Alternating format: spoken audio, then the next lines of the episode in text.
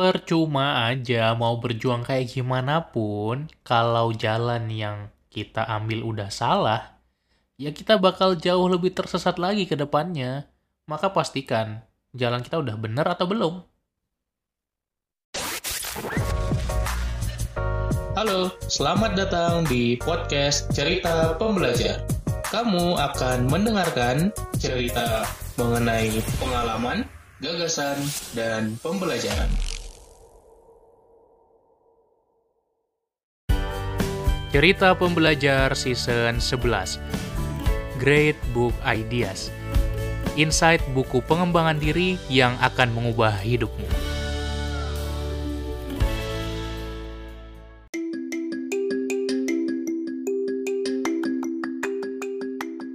Halo Sobat Pembelajar, balik lagi di podcast Cerita Pembelajar bareng gua Umar dan kita akan bahas buku lagi. Buku kali ini adalah buku yang menarik banget karena ketika gue ngeliat covernya aja udah langsung pengen beli. Jadi bukunya ini istilah di bahasa Inggrisnya ya, judul aslinya Barking Up the Wrong Tree. Oke, jadi kayak kita seorang anjing yang e, menggonggong di pohon tapi pohonnya salah gitu. Nah, konteks ini nggak terlalu cocok di bahasa Indonesia, makanya ketika ditranslate ke bahasa Indonesia, judul bukunya berubah menjadi Mendaki Tangga yang Salah yang mana lebih cocok, lebih kontekstual. Nah, apakah lo pernah merasa mendaki tangga yang salah? Sebagai contoh, ketika kita mengejar sesuatu di puncak tangga, maka kita akan perlahan-lahan mendaki, bukan mendaki sih ya, memanjat tangga tersebut. Satu langkah, satu langkah, satu demi satu langkah, hingga akhirnya kita mencapai puncak. Namun sayangnya ketika kita udah mencapai puncak, kita baru sadar, tangga kita salah harusnya kita mendaki tangga yang lain.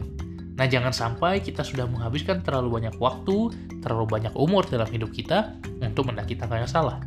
Apakah kita bisa mengulang lagi? Tetap saja bisa. Tapi kita tetap perlu berstrategi dalam hidup kita bagaimana cara kita tetap mencari terus tangga yang tepat buat kita itu tangga yang mana. Oke? Nah, ini gue rasakan ketika gue lulus dari kuliah gue ambil kuliah S1 Teknik Elektro, S2 Teknologi Informasi, dulunya di ITB, dan ketika gue lulus, gue sadari bahwasanya gue salah jurusan. Gue nggak pengen kerja sebagai engineer. Dulunya gue pengen jadi engineer, ngambil S2 karena pengen jadi dosen.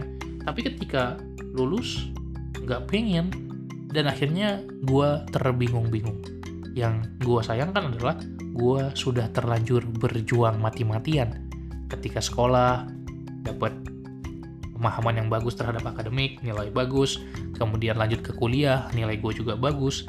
Main IPK gue S1 372, S2 3,88, itu tinggi banget. Dan gue lulus dengan predikat cum laude memperjuangkan semua kuliah gue, kuliah dengan bagus. Akhirnya gue mendaki tangga ya, mendaki tangga, memanjat tangga perlahan-lahan sampai puncak. Dan gak banyak orang yang bisa lulus S2 cum laude di teknik di ITB, apalagi gue masih 22 tahun pada waktu itu dan gue ngerasa main apa sih yang gue perjuangkan selama ini? Gitu loh. Kalau gue udah berjuang selama bertahun-tahun tahun-tahun sepanjang ini dan gue sadari bahwasanya gue tidak akan berkarir di engineering juga ngapain? Apakah umur gue sia-sia? Atau harusnya gue terusin aja?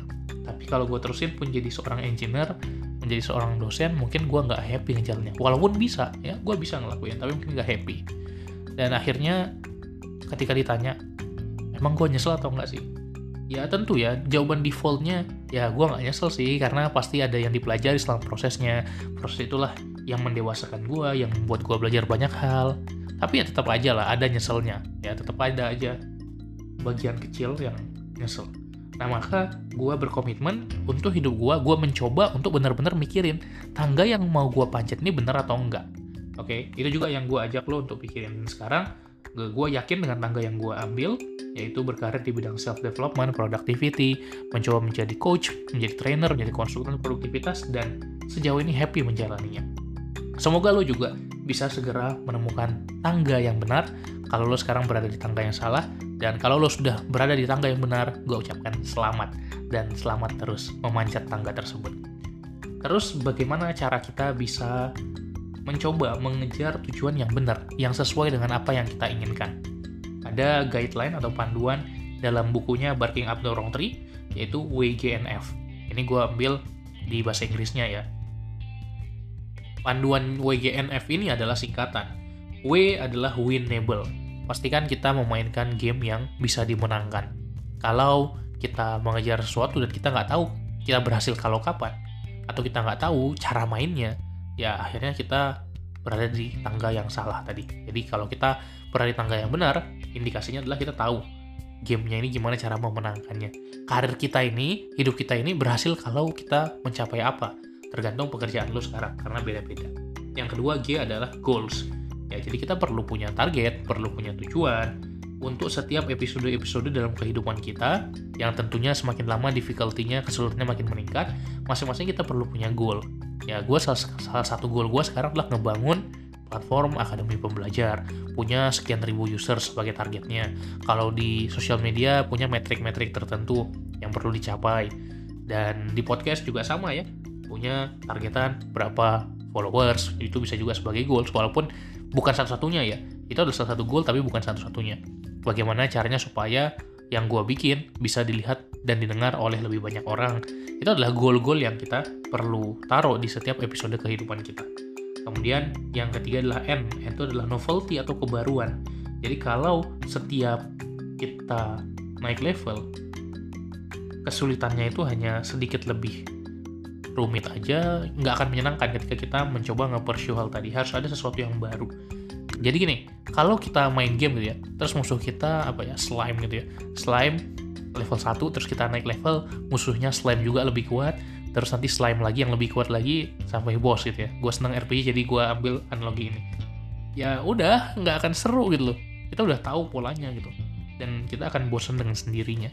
Tapi kalau musuh kita slime terus kemudian ketika kita berpetualang kita ketemu goblin kita ketemu monster laut dan berubah terus musuh-musuhnya gitu ya maka akan lebih menyenangkan petualangan yang kita jalani. Jadi perlu ada kebaruan kita perlu punya skill baru yang dilakukan digunakan untuk ngelawan monster-monster dan musuh-musuh yang baru jadi kalau hidup kita linear aja, lurus-lurus aja, coba berikan variasi-variasi. Cobain berbagai project-project baru, mulai bisnis yang kamu idam-idamkan, mulai membangun suatu gerakan yang kamu inginkan, mulai bentuk komunitas yang dari dulu kamu idam-idamkan. Oke, dan yang terakhir yang F adalah feedback. Jangan lupa untuk kita minta feedback dari orang-orang di sekitar kita, dari mentor kita, dari coach kita. Oke? Nah, terus ketika kita mau mengejar sesuatu di hidup ini, pastikan kita punya empat hal yang sangat-sangat-sangat penting sebenarnya dalam hidup. Dan akan sulit sekali kalau kita hidup tanpa fokus ke empat hal ini. Yang pertama adalah, ini sangat singkatan juga ya, HASL, jadi hustle. Gitu. Tapi bahasa Inggris lagi sebenarnya. Jadi gue bahas aja lah empat-empatnya apa. Yang pertama, H, happiness. Kebahagiaan udah jelas menjadi poin penting dan paling utama yang kita kejar. Oke, jangan cuma ngejar uang doang, ngejar keterkenalan doang, tapi penting untuk kita benar-benar happy atau enggak. Yang kedua, achievement. Pencapaian kita ini juga perlu. Ya apakah kita punya targetan-targetan tertentu? Sebagai contoh gue pingin jadi pembicara di TED Talk. Gue pingin punya sertifikasi coach dari ICF International Coach Federation. Dan gue udah sering ngomongin ini nggak masalah gitu loh. Itu adalah salah satu pencapaian buat gue dulu gue pingin sekali bisa digital nomad solo traveling keliling Jawa Bali. Dan akhirnya siapa gitu. Itu adalah pencapaian buat gue gue pingin bisa punya 100 ribu followers di Instagram. Gak apa-apa itu adalah goal dan akhirnya udah tercapai. Dan tentu ada capaian lainnya gitu kan. Pingin 200k 300k sampai 1 mi 1 juta ya 1 juta followers. Itu adalah target pencapaian juga. Karena pekerjaan gue sebagai seorang kreator gitu kan. Ya mungkin lo mikir uh, saya sebagai seorang kreator uh, nyari apa ya validasi dari orang lain. Wah followersnya banyak. Ya gue mengakui itu salah satu hal yang gue juga sedikit tidak sedikit banyaknya pasti ada rasakan juga.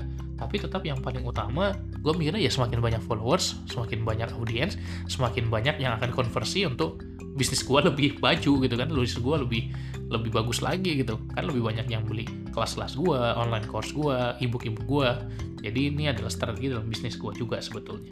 Yang ketiga adalah S significance atau berapa seberapa signifikan kita dalam dunia ini gitu kita merasa kita berdampak atau enggak kita merasa hadir tidaknya kita di dunia berpengaruh atau enggak sih? Atau kita hanya serpihan debu aja yang ada ada atau tidaknya kita dunia akan sama-sama aja. Jadi ini juga penting. Oke. Okay?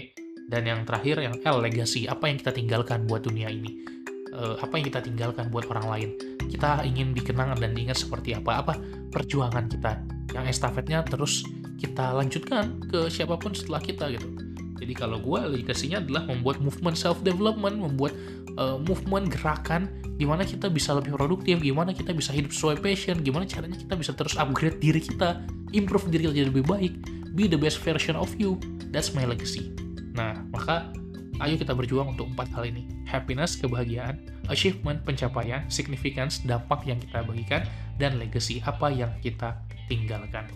Oke, semoga WJNF dan HASL yang gua share di episode ini bermanfaat buat lo dan jangan lupa dengarkan episode-episode lainnya juga terutama di season 11 podcast cerita pembelajar ini. Sampai jumpa di episode lainnya, jangan lupa bagikan di IG story, bagikan ke teman-teman lo dan follow gua di Spotify. See you, salam pembelajar.